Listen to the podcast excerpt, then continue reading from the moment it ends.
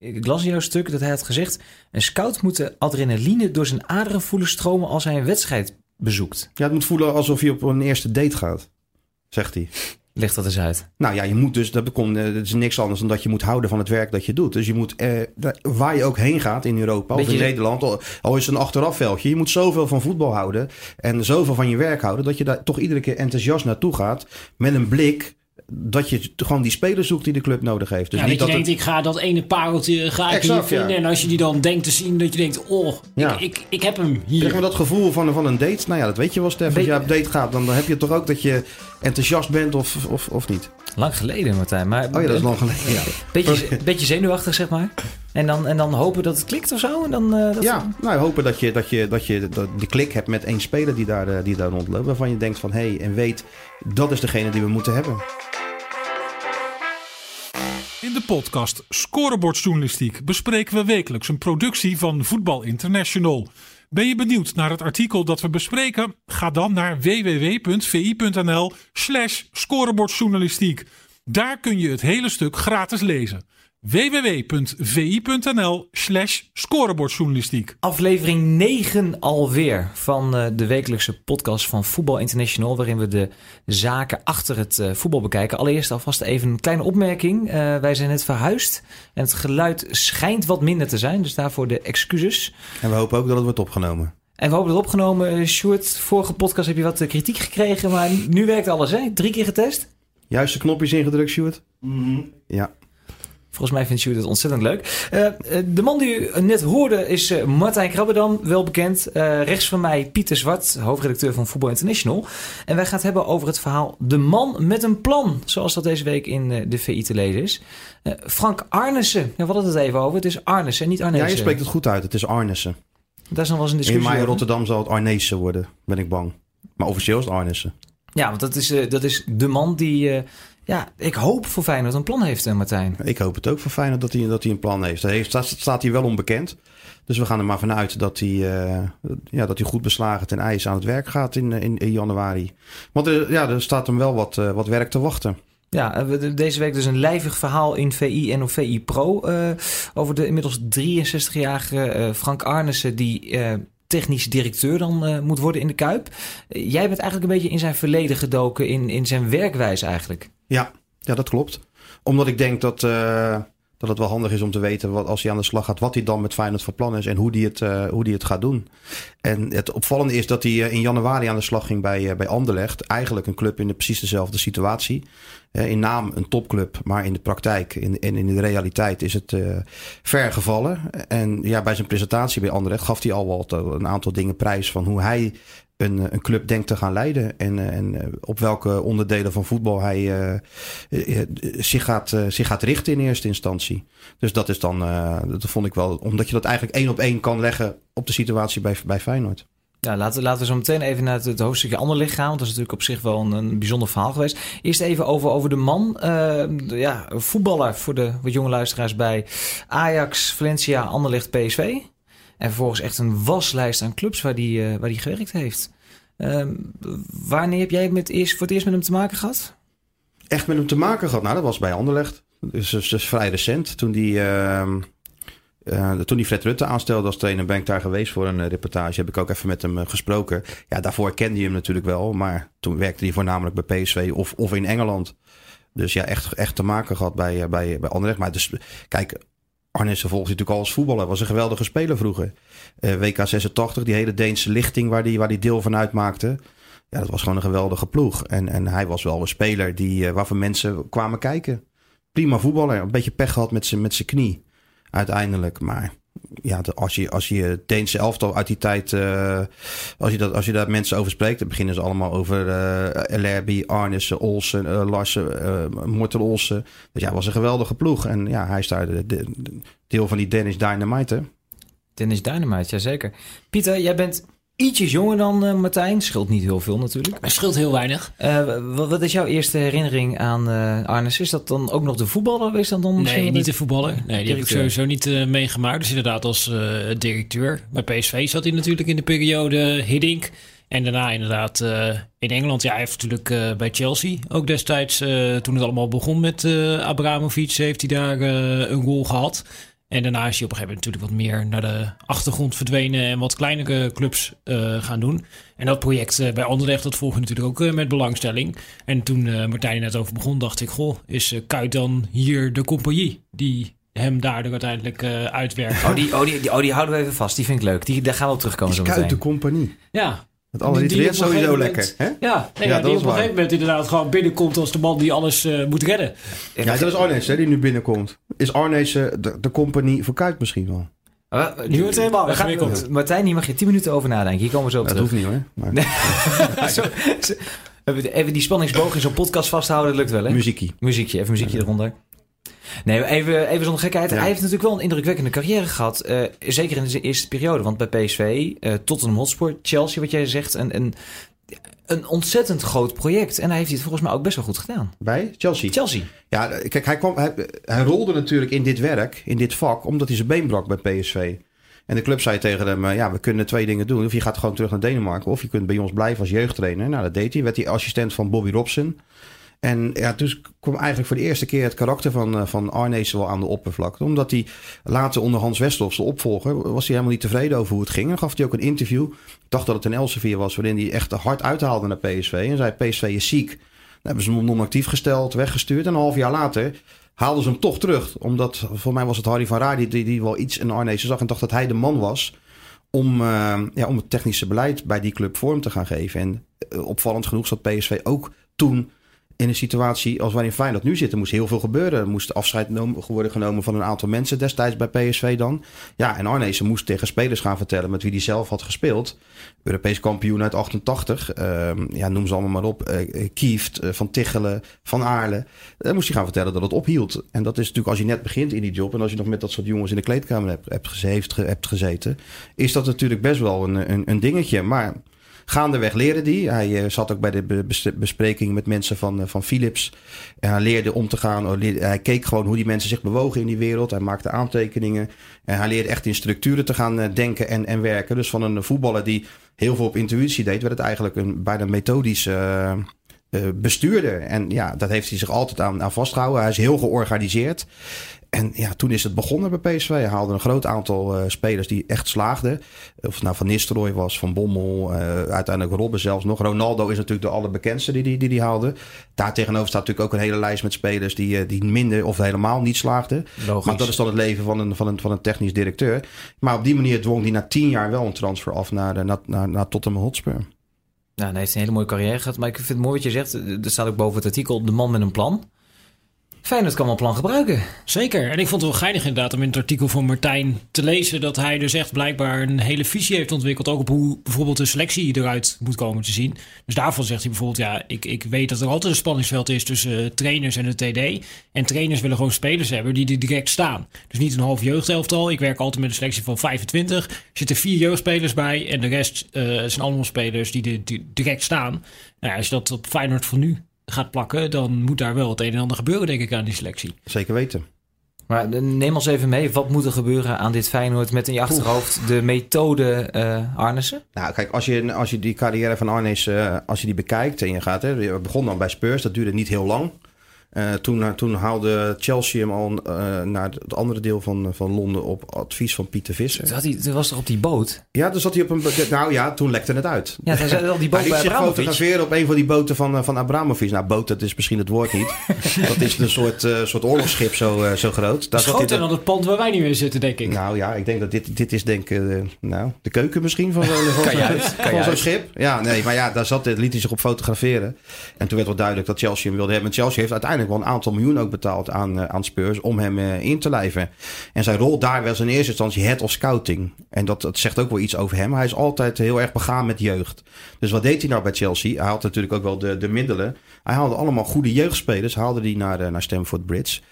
in, de, in de veronderstelling en met de bedoeling om die te ontwikkelen, zodat ze uiteindelijk in Chelsea 1 zouden kunnen gaan spelen. Zeg maar wat nu gebeurt door die transfer ban, dat had wat Arnezen betreft veel eerder gemogen. En uiteindelijk was het ook de reden dat hij daar stopte een jaar of, uh, nou wat is het? Nou, een jaar of ja, weet ik, weet niet eens wanneer was het, 2009 of zo, dacht ik. ik ja, ik denk ergens in die periode. Het was toch ook nog met Mourinho erbij, denk Ja, met Mourinho clashte die ook. Dat is, weer, dat is weer een ander verhaal.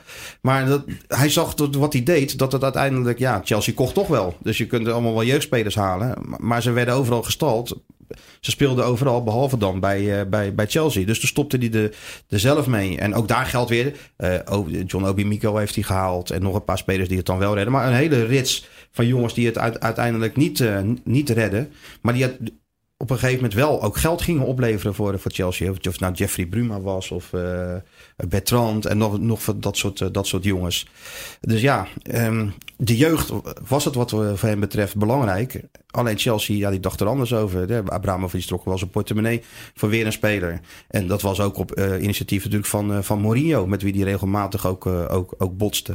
Dus voor hem was dat dan een reden om, om weg te gaan. Maar als je dat nu vertaalt naar Feyenoord, dan is het eerste wat hij doet is kijken naar de scouting. Dat is de levensader van iedere club. Dat vindt hij het belangrijkste. Echt, echt een pijler. En daarin eh, gecombineerd uiteraard met de jeugdopleiding. Dus hij vindt, je moet spelers op jonge leeftijd binnenhalen. Dan kun je ze in de filosofie van de club ontwikkelen. Dus niet alleen spelers van, eh, van 20, maar ook van 8, 9 jaar. Maar juist ook die categorie van 18, 19, 20, 21. Omdat je die dan ook nog in de fase kunt ontwikkelen. En dat die op termijn voor een club geld gaan, eh, gaan opleveren. En dat is natuurlijk iets wat Feyenoord ook behoefte aan heeft. Er is nu geen geld, dus je zult je eigen budget moeten creëren. Je zult geld moeten maken. En uh, aan- en verkoop is nog steeds de snelste manier om dat voor elkaar te krijgen. Dus dat zijn de twee onderdelen waar hij zich op gaat richten. En hij moet natuurlijk een nieuwe trainer aanstellen. Ja, maar je zit dus met de waarde in de selectie moet omhoog. Dat heb jij ook al eerder benoemd, dat, dat, op dit moment niet, niet hoog is. En, en ja, die scouting. Ik las in jouw stuk dat hij had gezegd... een scout moet de adrenaline door zijn aderen voelen stromen als hij een wedstrijd bezoekt. Ja, het moet voelen alsof je op een eerste date gaat, zegt hij. Ligt dat eens uit? Nou ja, je moet dus, dat, komt, dat is niks anders dan dat je moet houden van het werk dat je doet. Dus je moet, eh, waar je ook heen gaat in Europa of in Nederland, al, al is het een achterafveldje, je moet zoveel van voetbal houden en zoveel van je werk houden, dat je daar toch iedere keer enthousiast naartoe gaat met een blik dat je gewoon die spelers zoekt die de club nodig heeft. Dus ja, niet dat je denkt, ik ga dat ene pareltje ga ik hier vinden. En als je die dan denkt te zien, dat je denkt, oh, ik, ik, ik heb hem hier. Krijg je dat gevoel van, van een date? Nou ja, dat weet je wel, Stef. Als je op date gaat, dan, dan heb je toch ook dat je enthousiast bent of, of, of niet. Lang geleden, Martijn. Maar, oh ja, dat is lang geleden, ja. Beetje, beetje zenuwachtig, zeg maar. En dan, en dan hopen dat het klikt of zo? En dan, uh, dat ja, nou hopen dat je, dat je, dat je de klik hebt met één speler die daar, uh, die daar rondloopt. Waarvan je denkt van, hé, hey, en weet, dat is degene die we moeten hebben. Want hoe loopt dat nu met de scouting van Feyenoord? Hoeveel, hoeveel man zit daar eigenlijk Ja, er zit, dat die scouting, er zit natuurlijk een aantal scouts wat er al een hele tijd zit. Hè, Lipone en een Beukers. En er zit ook een hele groep omheen. Hè, scouts die de amateurvelden afstruinen. En, maar ik heb altijd wel het idee dat het met de, met de scouting van Feyenoord... dat het wel uh, ja, beter kan, dat klinkt denigreren. Want je weet ook nooit precies met welke spelers ze aankomen. Nee, Maar goed, ik, als je dan Jaap Stam hoort over de scouting... Ja, als hij dan een bepaalde positie vroeg die ingevuld moest worden. Dan zei hij dat ze met spelers kwamen die voor Feyenoord toch onhaalbaar waren.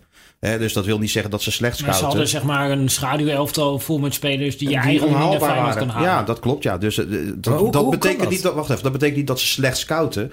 Maar dat ze op een andere manier scouten misschien wel. Dat ze niet kijken op de manier zoals Arnezen dat, eh, dat voor ogen heeft. Maar, maar, hoe kan dat? Je hebt, je hebt toch een bepaald budget. Je weet, je weet wat het budget van Feyenoord is. Dus je weet toch ook wat mogelijk is. Je kan wel allemaal spelers van 15 miljoen euro in kaart brengen. Maar die kun je niet halen. ik zeg niet dat het 15 miljoen is. Nee, ik roep maar wat. Ik roep ja, ja, ja. Dat heeft te maken met een, een werkwijze van mensen die er natuurlijk al jaren zitten en het op die manier doen. En misschien ook wel een technische eh, leiding die daar wat minder aandacht heeft aan heeft gegeven de, de, de laatste jaren. Want als je kijkt naar de spelers die bij Feyenoord zijn binnengekomen, nou, behalve Sinisterra, is dat natuurlijk allemaal wel, uh, zijn dat altijd spelers geweest, ja, die hebben jij en ik ook kunnen scouten. Want ze speelden namelijk elke week in de eredivisie. Dus ja. Ja, dat was vaak toch gewoon een kwestie van... Uh, ja, bord op, schoot, in, bord op schoot scouting noemden ze dat. Hè? Je ging in Utrecht kijken, Utrecht. Ja, ja, ja. zitten, ben je er. Min of meer, ja. Dus, eh, en, en, en liepen die scouts dan niet bij die buitenlandse toernooien? Of zeker wel. Ja, ze, waren er, ze waren er wel. Als je de scouts van Ajax sprak of van PSV, die kwamen die van Feyenoord ook wel tegen. Maar, als, maar het kan natuurlijk ook zo zijn als er met je werk niks wordt gedaan. Als je een rapport inlevert van een speler van een buitenlandse club. Hè, die jij heel goed vindt. En ja, er wordt op het bureau. Eh, kijk, nou, deze moeten we halen. En uh, het is van. Nee, we nemen toch wel die jongen van Utrecht. Ja, op een gegeven moment gaat dan die, uh, die adrenaline vanzelf wel minder stromen. Ja, als wij wekelijks de stukjes van Stef niet meer plaatsen, dan uh, neemt op een gegeven moment denk ik ook de motivatie af. Ik, ik, hoor nu dat het stukjes zijn. Ik dacht uh, proza verhalen, maar prima. Nee, dan weet ik dat. Poëzie. poëzie, ja. ja ik, ik, wacht nog op mijn eerste prijs. Oké, we hebben het nu gehad over de, over de scouting. Jij, jij benoemde het al. Eigenlijk de belangrijkste taak is misschien wel de technische staf, de hoofdtrainer. De, Jaap Stam is weg. Uh, met de assistenten is van alles gebeurd. Dick Advocaat zit er nu en weten hoe leuk Dick het vak ook vindt. Over twee, drie jaar is Dick geen hoofdtrainer van Feyenoord meer. Niet, nou, niet van Feyenoord, maar misschien wel.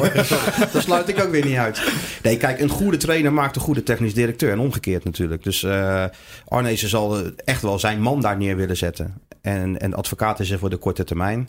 En dan is het natuurlijk ook interessant te kijken naar wat voor trainers heeft Arnezen nou gehaald zo door de jaren heen. Hè? Bij, bij Spurs kwam hij met, met Martin Jol. Dat stond al wel weer 15 jaar geleden. Maar dat bleek wel een gouden zet. Omdat Arnezen, onder Arnezen en Jol is, is Spurs begonnen met die terugkeer richting de Engelse top-subtop. Dat is daar, daar in, gang gezet.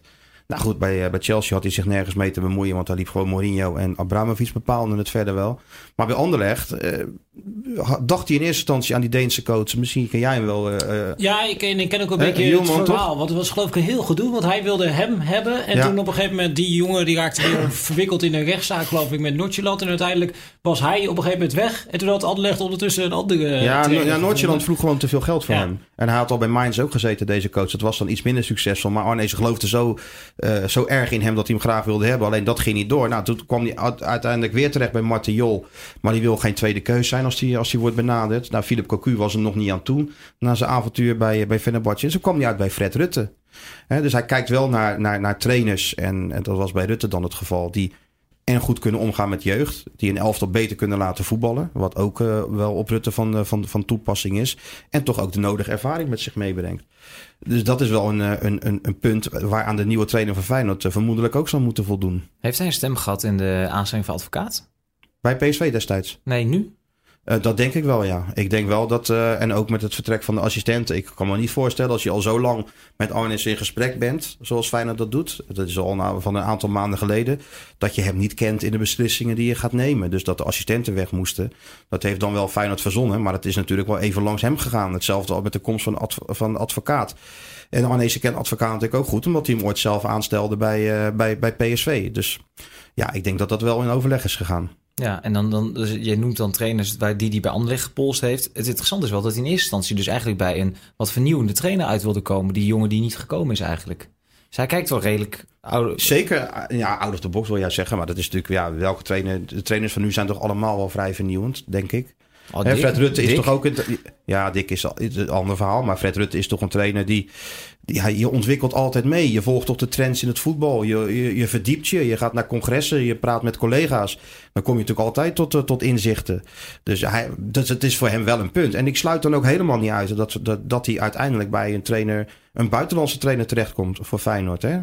Dat is ook een hele tijd geleden dat dat zo is geweest. Ja, want in Nederland is natuurlijk ook niet heel veel waarvan je zegt van nou, die, die kun je er neerzetten en dat, dat gaat werken. Nee, dat, is, dat weet je sowieso nooit. Maar in Nederland ook niet. Nee. Want dan moet je dan van de brom gaan losweken bij Utrecht of zo. Dat weet je toch ook niet zeker?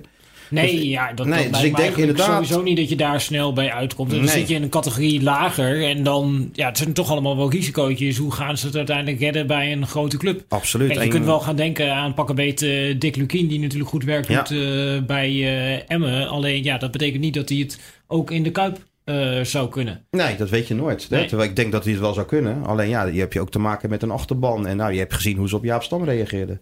Dus uh, er moet wel iemand, iemand met, met body komen en, en met ervaring. Omdat die klus bij Feyenoord zo ingewikkeld is. En dat kan Arnezen natuurlijk niet alleen. En daarvoor denk ik dat hij... Uh, dat hij daar in ieder geval de tijd voor neemt. Dat hij een, een, een figuurlijke zwaargewicht zoekt. Maar dat hij ook van de, de, de clubleiding een mandaat krijgt om daadwerkelijk op die onderdelen, scouting, jeugdopleiding, een spelersgroep, technische staf, om daar ook echt zijn stempel op te drukken. Dat hij ook echt kan ingrijpen waar hij denkt dat het uh, nodig is. Anders heeft het geen enkele zin. Is er een kans dat hij alsnog gaat uitkomen bij die mannen die hij eigenlijk bij Anderlecht wilde hebben? Want een heleboel daarvan die zijn eigenlijk natuurlijk nog een soort van beschikbaar. Ja, tenminste, dus het, Rutte zou misschien nog wel. Nee, ik geloof niet dat, hij nog een keer terugkomt nee. bij Feyenoord. Dat geloof ik niet. Um, ik weet niet hoe het met die Deen is. Ik dacht dat hij misschien in de race was om bondscoach te worden, las ik ergens. Dacht ik vluchtig gelezen te hebben. Maar... Volgens mij zit hij nu nog zonder. Maar ik weet of niet hij of zit zonder. Ja. dat zou natuurlijk zo kunnen als je, als je in, in een trainer en een werkwijze gelooft. Martin Jol zou. Uh, Dat zou ook kunnen, ja. Het is, het is, dat maakt het ook wel interessant. Hè? Welke trainer haalt hij? En, uh, en misschien is het ook wel goed als hij iemand haalt zonder een, een, een, een met een uh, wat andere achtergrond dan we natuurlijk gewend zijn geweest bij, uh, bij Feyenoord. Wil je meer verdieping bij het voetbal? Ga dan naar vi.nl slash podcast en neem een abonnement. www.vi.nl slash podcast. Dan kom ik toch even terug op wat we eerder zeiden. Uh, compagnie Dirk Kuyt, die link werd net gelegd. Uh, ik had begrepen dat Dirk Kuyt werd klaargestoomd om hoofdtrainer te worden in de Kuip. Ja, uiteindelijk was dat geloof ik wel de bedoeling. Maar ja, Dirk Kuyt is net begonnen. Ik bedoel, die heeft al alle moeite om Feyenoord onder 19 in het gareel te houden, bij wijze van spreken. Dus ja, moet je die dan na een jaar voor een, een ingewikkelde club zetten? Een, een, een club die echt uh, een transformatie moet ondergaan. Uh, ja, daar heb je toch wel iets meer ervaring voor nodig, denk ik. Kan natuurlijk wel zo zijn dat Kuit erbij betrokken wordt, op welke manier dan ook. Dat zou kunnen, maar ik geloof wel dat je die klus in handen moet leggen van iemand uh, ja, die wat meer ervaring heeft. Maar wat, wat voor fase gaat Feyenoord nu in? Is dat, is dat weer opnieuw beginnen? Moet ik het dan zo zien? Is het weer van onderaf aan opbouwen? Ik denk het wel, ja. Als je kijkt ook naar de spelersgroep nu. Dat is natuurlijk, die zit vol met spelers die, die al een aantal jaar lopen. Of jongens die gehuurd zijn. Of een aantal uh, jongens die transfervrij zijn gekomen. Um, voor de lange termijn ja, is er eigenlijk niet, niet zo gek veel perspectief. Misschien behalve Kuksu en Burger die dan af en toe invalt. En vanuit de jeugdopleiding. Ja, Jaap Stam heeft al die talenten meegenomen maar gewogen en te licht bevonden. Als je nu kijkt naar onder 17 dat speelt, er zit geen één Feyenoord erbij. Barnies. Nee, Barnies en die viel op een gegeven moment uit de selectie. Toen begonnen ze alles te winnen. Ja, ja. ja maar dat... Nee, dan kan, hij niet eens eentje... Nee, dan kan hij niet eens nee, eentje nee, wat Hij maakte maar... een goal ook. Hè? hij, was volgens mij ook, hij was volgens mij ook licht geblesseerd. Maar het is er maar één hè, bij uh, Nederland zelf toch? Berghuis, dat is het. Uh, ik geloof die, dat Azakar, een van de talenten, ook is afgevallen bij uh, onder 20, dacht ik. Dus... Berghuis die ook moet vrezen voor zijn plek in Oranje natuurlijk. Met, met, uh, met Stenks. In de selectie bedoel je? Ja. Ja, nee, natuurlijk, dat is zo. Dus over de hele linie is er natuurlijk wel eens meer geweest wat de opleiding heeft afgeleverd. En uh, er heeft, alles gaat in golfbewegingen. Dat, dat, is, dat is echt zo. Maar je verwacht er toch iets meer van. Dus ik denk dat Arnezen zich ook echt op die opleiding gaat, uh, gaat concentreren. Ook al doordat het daar de afgelopen jaren natuurlijk intern niet helemaal is goed gegaan. Met een aantal uh, trainers die van mening verschilden over de, over de manier van hoe moeten, we het nou doen zoals we het 15 jaar geleden deden. Wat heel succesvol is geweest. We misschien toch wel een beetje met onze tijd meegaan. Hè? Kijk, je kunt niet meer doen wat je 15 jaar geleden hebt gedaan. Dat is natuurlijk dat is onzin. Je moet altijd meegaan in, in, in, in de ontwikkeling en de trends van, van voetbal. Nou ja, ik denk dat Arnezen daar echt een, een grote rol in gaat spelen. En ik verwacht ook wel dat hij met zijn netwerk bij Chelsea en, en bijvoorbeeld ook bij, met Manchester City, waar zijn zoon scout is, dat hij wel op zoek gaat naar een bepaalde alliantie misschien wel met zo'n club. Want zijn netwerk is nog altijd goed volgens mij. Zijn netwerk is natuurlijk, hij heeft geloof ik twee telefoons, dat dat voor met duizenden nummers van iedereen die ertoe doet in het voetbal. Als hij Abramovic uh, wil bellen, dan heeft hij hem over twee minuten aan de lijn, bij wijze van spreken. Hij heeft nog contact met Ronaldo. Uh, wat ik zeg, zijn zoon zit bij Manchester City. Hij is natuurlijk overal geweest. Of het nou Paalk was of, of uh, uh, Anderlecht. Ja, zijn netwerk is gigantisch. Dus ja, dat is voor een, voor een club die dat nu niet heeft. Die nu een technisch directeur ad interim uh, heeft. Die zegt van nou ze bellen mij wel. Is dat natuurlijk wel een hele, hele, iets heel anders. Nee, dat heet een omslag hè? Daar zocht ik naar. Dank je. Ja. Dat is toch die poëzie hè, die er dan Ik ben toch wel blij dat die af en toe een beetje helpt. Anders komen we er ja. niet uit. Nou ja, daar sta ik hier voor. Ja. Uh, de spelersgroep, dat is natuurlijk ook nog een, een, een punt. Uh, ik lees in je artikel de PSV-formule die die ja. hanteert. Uh, is dat in de huidige situatie van Feyenoord te realiseren? Met uh, de wat oudere spelers die je hebt, met de jeugd die misschien nog niet goed genoeg is? Ik zou niet weten bij wie je dat op dit moment moet doen. Hè, maar Feyenoord heeft het min of meer natuurlijk al een beetje met Filena gedaan, de PSV-formule. Dat is niet, niks anders dan je zegt van we weten dat er interesse voor je is.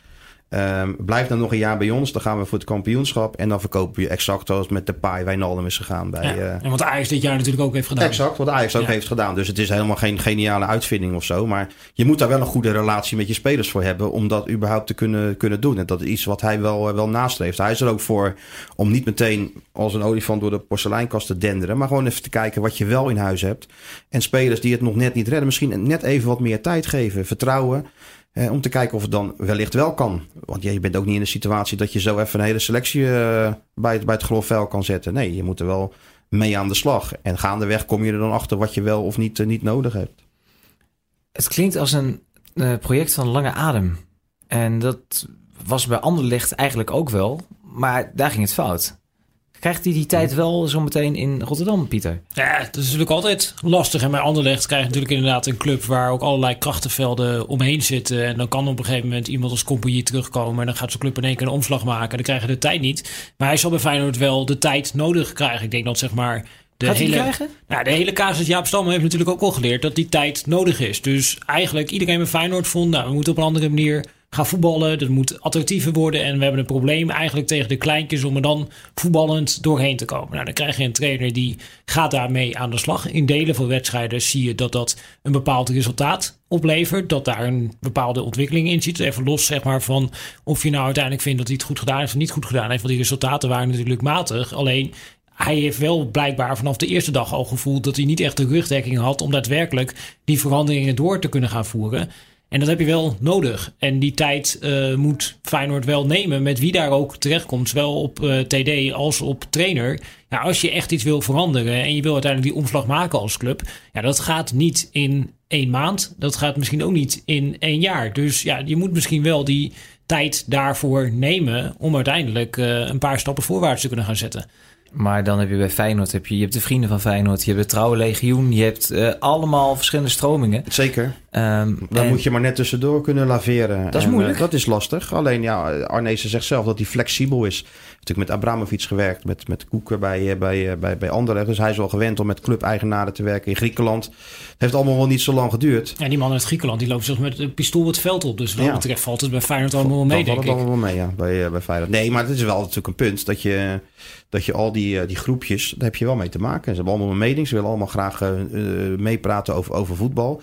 Maar ik denk wel, als iemand van het kaliber Arnissen binnenkomt, met het netwerk wat hij mee heeft, met, een, uh, met zijn status en ook de situatie van nu bij Feyenoord, ja, wat moeten ze nou nog zeggen dan? Ik bedoel, slechter dan dit kan bijna toch niet. Hè? Ze krabbelen nu wel eens langzaam wat op. Maar als je naar het voetbal kijkt. En we hebben net de scouting besproken en de jeugdopleiding. Dan zal iedereen toch wel beseffen dat er wat moet veranderen. Ja, en daarvoor krijgt Arnezen volgens mij ook het mandaat om dat ook daadwerkelijk te, te gaan doen. En ik hoop voor hem dat het wat langer duurt dan bij Anderlecht. Want ja, dat was natuurlijk ook een heel hele gekke situatie. Als je in januari binnenkomt en in uh, augustus... Uh, nee, we ook, company wil. Nou, doen we het allemaal op, op, op die manier. Toen wist hij ook wel dat zijn rol was, was uitgespeeld. Dus zijn werk bij Anderlecht kun je eigenlijk helemaal niet beoordelen... omdat dat veel te kort is geweest. Nee, maar je hebt het over zijn status. En zijn status, als je kijkt naar zijn cv, dat is indrukwekkend. Maar wat je ook terecht opmerkt, de laatste jaren is het allemaal wat korter geweest. Nou, je hebt de, de situatie bij Anderlecht. Er is nog een tijdje geweest dat, dat er gesuggereerd werd dat hij wel eens verdiende aan transfers. Ja, dat is hem ook gevraagd, ja. Ja, kijk, eh, eh, zoals elke, zoals veel technisch directeur, heb je, heb je altijd een favoriete makelaar met wie je dan zaken doet. En bij Arnees was dat volgens mij Lemits en misschien nog eentje of twee. Dus dan, dan kom je volgens hem altijd in de verdenking van dat je, dat je geld aanneemt. Maar hij zegt dat hij Um, dat destijds bij Hamburg is dat, uh, is dat onderzocht. En er zijn mensen op de vingers getikt, maar hij was dat niet. Hij was, eh, werd van alle blaam gezuiverd. Hè? Dus hij, weet, hij zegt, ik weet dat, uh, dat er altijd over wordt gesproken en over uh, wordt, wordt geroddeld en, uh, en over nagedacht. Maar zolang je s'avonds goed slaapt, is er, is er niks aan de hand. Dus ja, dat is hoe hij erin staat. hij kan zich er niet tegen verdedigen, zegt hij. Hoe is zijn status, Pieter?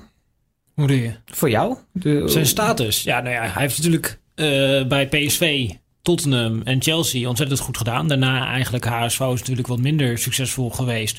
En daarna heeft hij denk ik ook wat keuzes gemaakt die misschien wat meer gericht waren ook op zijn eigen portemonnee in die fase dan uh, dat dat altijd de sportieve uitdaging was uh, die hij daar uh, dacht te vinden. En ik denk dat zeg maar, dat was eigenlijk al denk ik zo met Anderlecht en nu ook met Feyenoord, dat dat wel een keuze is om uiteindelijk weer ergens echt iets neer te kunnen zetten. En die ja, uitdaging ligt er bij Feyenoord. En nou, als hij bij Feyenoord gaat doen wat hij bij die eerste drie clubs gedaan heeft, ja, dan hebben ze natuurlijk een hele goede technisch directeur in huis gehaald.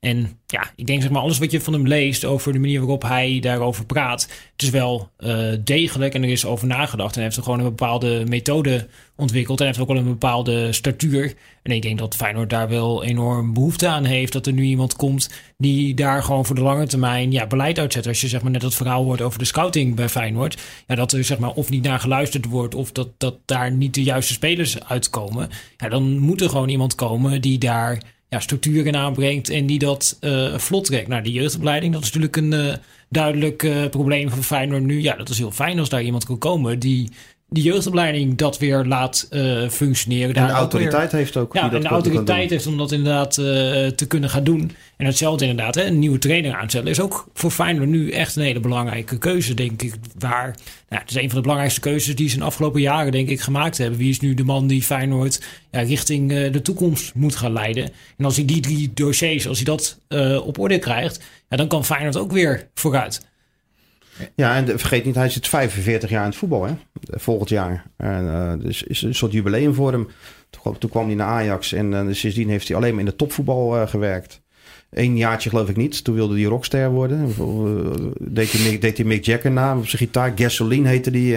toen ging hij kijken of rock roll misschien wel wat voor hem was. Nou ja, dat duurde dan een jaartje en uiteindelijk kwam hij toch in de wereld terecht waar hij zich blijkbaar het meeste thuis voelt. En zelfs bij PSV, toen hij daar terugkeerde in 2017 als, als commissaris, dacht iedereen van nou gaat hij het rustig aandoen.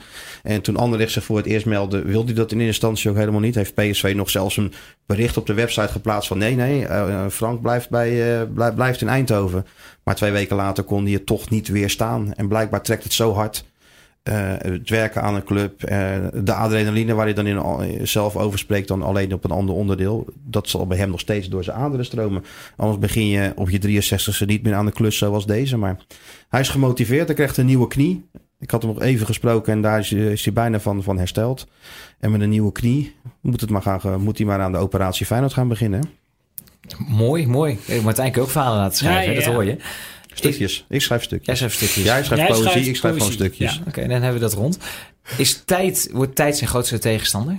Dat denk ik wel. Ja, kijk, alle verandering kost tijd en alle verandering roept weerstand op. En dat gaat uh, hij ook ondervinden bij Feyenoord. En op het moment dat de resultaten ja, niet meteen fantastisch zijn, ja, dan gaat het publiek zich weer roeren. En dan ja, wordt het toch allemaal een stuk lastiger. En op het moment dat hij in staat is om dan zijn koers te blijven vasthouden. En dat hij ook die tijd en ruimte krijgt om dat uh, te doen, ja, dan kun je echt iets neerzetten. Maar ik denk dat wat dat betreft uh, dat stadiondossier ook nog wel een interessant uh, gaat worden. Want dat kan in één keer, kan dat natuurlijk bijkomen. Zie je bij al die clubs in Engeland ook die recent een nieuw stadion hebben gekregen. Dan zit er in één keer een voorzitter die zegt van eigenlijk technisch beleid zetten we op nul. Uh, we gaan overleven tot we dat nieuwe stadion hebben. En ja, dan, dan kun je eigenlijk hele werk niet doen uh, op het moment dat dat hem zal overkomen. ja, dat hangt ook, hangt ook af van de investeerders waarmee Feyenoord in gesprek is natuurlijk. Hè? En die, waarbij ze hopen dat die, dat die, dat die snel gaan, gaan instappen zodat je misschien met iets wat meer extern geld wel kunt werken om het elftal op bepaalde posities te, te, te versterken. En ja, tuurlijk is tijd een factor. Maar Arnezen is ook de man die juist die tijd kan geven aan een nieuwe trainer die die, die, die gaat halen. En dan ben je nog afhankelijk van het resultaat. Maar nogmaals, zoals het nu gaat, binnen alle geledingen van de club, denk ik dat iedereen er nu ook wel van overtuigd is dat het gewoon dat die tijd ook echt gegeven moet worden. Want ja, anders zit je volgend jaar weer in deze situatie. Nou, dan stuur je Arnezen weg. Wie gaat het dan doen? Dat, dat ad hoc beleid hebben we toch te, te vaak gezien. En het wordt er gewoon tijd om een omslag te maken in het elftal. En dat moet gewoon totaal veranderd worden. En ook op die andere, andere onderdelen. Dus ja, wat ik zeg, het is een enorme klus voor, voor Arnissen. Maar Echt een enorme klus. Heb je, heb je het gevoel dat zijn aanstelling breed gedragen is binnen al die geledingen? Mooi, dat vind ik ook zo'n mooi woord altijd. Hè? Breed gedragen. Dat, het staat ook in al die persberichten altijd van die clubs. Lekker, hè? Ja, ja, bij Feyenoord en Vergeel hadden er ook altijd een handje van wie er ook kwam. Want hij was breed gedragen. Dus ja, ik denk, niet, ik denk dat dat gewoon met een mannetje of twee beslist is. Of drie. Bij Feyenoord, ja. En wie zijn dan nu dat bij Feyenoord die dat beslissen? Dat zijn op momenteel Toon van Bodegom. De voorzitter van de Raad van Commissarissen. En de uh, directeur, de technisch directeur ad interim Sjaak Troost. Dus twee commissarissen die eigenlijk beleid moeten controleren, voeren het nu uit. En dat is natuurlijk ook heel apart. En daarvoor is er gewoon snel een technisch directeur nodig. Dat is belangrijk voor een voetbalclub.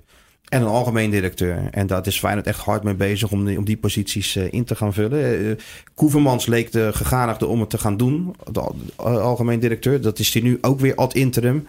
Alleen daar is nog wel heel veel weerstand tegen vanuit de supporters. Dus ik moet maar kijken, je moet maar afvragen of hij dat zelf nog wel wil. Want dat was ook wel vreemd hè, bij dat vertrek van Stam. Dat je dacht, er is geen bestuur. Dus ze zaten toch weer bestuur tegen de muur te roepen bij uh, dat, is, dat is, ja, dat zit er nou helemaal ingebakken. ja. Dat is standaard tekst. Dat is, standaard tekst. Dat is al 40 jaar geleden, ja. Dat is als, uh, er zal wel nog spandoek liggen, weet ja. je. Ja. Hand in hand kameraden, bestuur tegen de muur. Ja, het is gewoon... Uh, Dat is een beetje ingeslepen. Ja, Weet je, die supporters zijn natuurlijk ook zat. En ik begrijp het wel. En terecht. Dat, hè? Terecht ook. Ja, ik begrijp het wel. Er is natuurlijk hoop gebeurd de afgelopen jaar na het kampioenschap. En dat natuurlijk ook wel vaker besproken. Dat had het punt moeten zijn waarin Feyenoord echt die inhaalslag had kunnen maken. Uh, alle kaarten in handen. Ho net zo hoog budget als PSV. Uh, de miljoenen van de Champions League. Nou, daarna is het alleen maar misgegaan. En nu moet je repareren. En het zal natuurlijk ook wel, plakken. Het zal toch ook wel richting een model gaan... wat een beetje meer lijkt op hoe bijvoorbeeld nu Ajax de selectie heeft. Dus een paar spelers van midden 20 die er gewoon staan in de as... en daaromheen jonge spelers die restwaarde hebben... in plaats van de situatie waar Feyenoord nu in zit. Dat is uiteindelijk de bedoeling. En dat hangt ook weer samen met geld en scouting. En ja, en je moet er vanaf komen. Bijvoorbeeld Jurgen, je, moet, je moet er wel zien te verkopen. Je moet er zien te verkopen, ja. En dat is natuurlijk ook nog een hele klus. Maar dat kun je als club ook wel actief doen. En als technisch directeur, als je het netwerk hebt kun je natuurlijk ook wel. Je kan gaan verhuren. Je kan uh, gaan, uh, gaan uh, spelers in het etalage zetten. ja, je kunt makelaars bellen om, om, om, om de markt op te gaan met spelers waar je vanaf wil. daar is PSV natuurlijk zelf ook altijd heel handig in geweest om spelers zelf te verkopen die, waar je vanaf wilde. En Ajax hoeft dat niet, omdat daar die spelers die weggaan altijd wel geld opleveren. Maakt niet uit hoe goed of slecht ze zijn. wel grappig, we zijn nu om en bij de 30 minuten aan het praten. Hij is nog niet aangesteld officieel, hè? Hij is rond. Hij heeft nog, het, het, papierwerk moet nog uh, gedaan worden. Maar ga er maar vanuit dat, dat dat binnen nu en een week wel, eh, wel zal gaan gebeuren. Ja, het ligt aan Feyenoord. Kijk, Arnezen kan niet zelf zeggen... ik ben een nieuwe technisch directeur van Feyenoord. Zoiets moet het wel breed gedragen zijn eerst. Ja, nou ja, breed gedragen. De club moet zoiets natuurlijk communiceren. Dat zou heel gek zijn als jij of ik zeg van... Ja, ik ben nu dit. Nee, dat moet natuurlijk, iemand anders moet dat communiceren voor je. Voordat je jezelf commentaar erop kunt, kunt geven. Maar hij maakt er zelf geen geheim van dat het al, uh, al rond is. En, en zijn plan is dan, want hij heeft natuurlijk net geopereerd, zoals je opmerkte, om misschien iets meer vanaf de achtergrond en dan vanaf de winterstop, dan gaan we waarschijnlijk. Dat is het uh, bijna. Ik denk dat vanaf januari zou het toch een mooi punt zijn om, om, om in te stromen. Dan gaat Feyenoord op trainingskamp. En daar houdt hij ook van, omdat dat natuurlijk een periode is van een week waarin je dag en nacht op die spelersgroep zit en met die technische staf kunt praten. Dus dan krijg je snel een beeld van wat je in huis hebt en, wat je, en dan krijg je wel een idee van wat er eventueel moet gaan eh, veranderen. Nou ja, Arnees heeft aan zijn uh, carrière een mooi huisje in Marbella overgehouden. En laat Feyenoord daar nou net naartoe gaan. Scheelt weer een hotelkamer, hè? De eerste besparing is binnen. Ja, of misschien kan Feyenoord er wel zitten als het huis groot genoeg is. Zou, zou die zoveel verdiend hebben? Nou, dat denk ik wel, ja. dat denk ik wel. Nou, niet zoveel als Abramovic, maar ja, die zal maar hij was ook niet op de boot van Abramovic om te zeggen van uh, doe mij het maar uh, voor twee kantinebonnen. Nee, nee, nee. En uh, Chelsea heeft miljoenen voor hem betaald. Dus zo'n zo'n zo'n zo'n man wordt er natuurlijk zelf ook goed, goed beloond. Maar dan doet hij dit dus maar ook gewoon... Feyenoord gaat hij niet voor het geld doen, kan ik je vertellen. Maar dan doet hij dit dus ook echt op 63-jarige leeftijd... gewoon omdat hij het nog ontzettend leuk vindt. Ja, alsof een eerste date misschien wel. Zo. Dat gevoel. Ga ik eens over nadenken vanavond. We zijn rond. Uh, geïnteresseerd geraakt in het verhaal van Martijn Krabbedam over de nieuwe technisch directeur van Feyenoord? Ga dan naar www.vi.nl slash scorebordjournalistiek. Daar kun je het verhaal gratis lezen. En het verhaal vind je uiteraard ook in het Weekblad en op VI Pro. Gaat hij het redden, Martijn? Ja, eh, dat, is, dat kan je nooit. Ik heb geen glazen bol. Maar ik denk wel dat hij uh, grote kans maakt om het, uh, om het te redden. Omdat de situatie nu zo is ja, dat het geen enkele zin meer heeft om een, om een technisch directeur na, na een jaartje alweer weg te sturen. Dus hij krijgt in ieder geval eh, de tijd. En hoe was jouw eerste date? Mijn eerste date? Ja, die duurde nooit zo lang, mijn dates. Nee, hoe ging dat dan ongeveer? Hoe dat, hoe dat ging? Ja? Nou, dat ging, uh, dat ging een meestal om, denk ik. Dat ging meestal om een uur of drie s'nachts. Dan ging je nog even snel op date. Dan ging je eerst met je vrienden gezellig wat drinken. En dan ging je kijken of je nog even snel op date kon. En Zo ging dat in die tijd. Man, man, man, man, man. Ik ga niet vragen hoe dat geen, uh, geen, geen, geen restaurant en gezelligheidjes en dingetjes en zo, nee. Duidelijkheid, hè? Duidelijkheid. Ten eerste gewoon gezellig met je vrienden wat drinken. En dan ging je altijd kijken van... Uh, gaan we nog op date vanavond? Ik hoor een man of met een plan. De, of gaan we naar de Swarma? Dat kon ook. een man met een plan, inderdaad. Keurig. Heren, dank jullie wel. Opgenomen? Dat ligt aan de stagiair. Ja, nee. ik dacht... Die knipt hij eruit.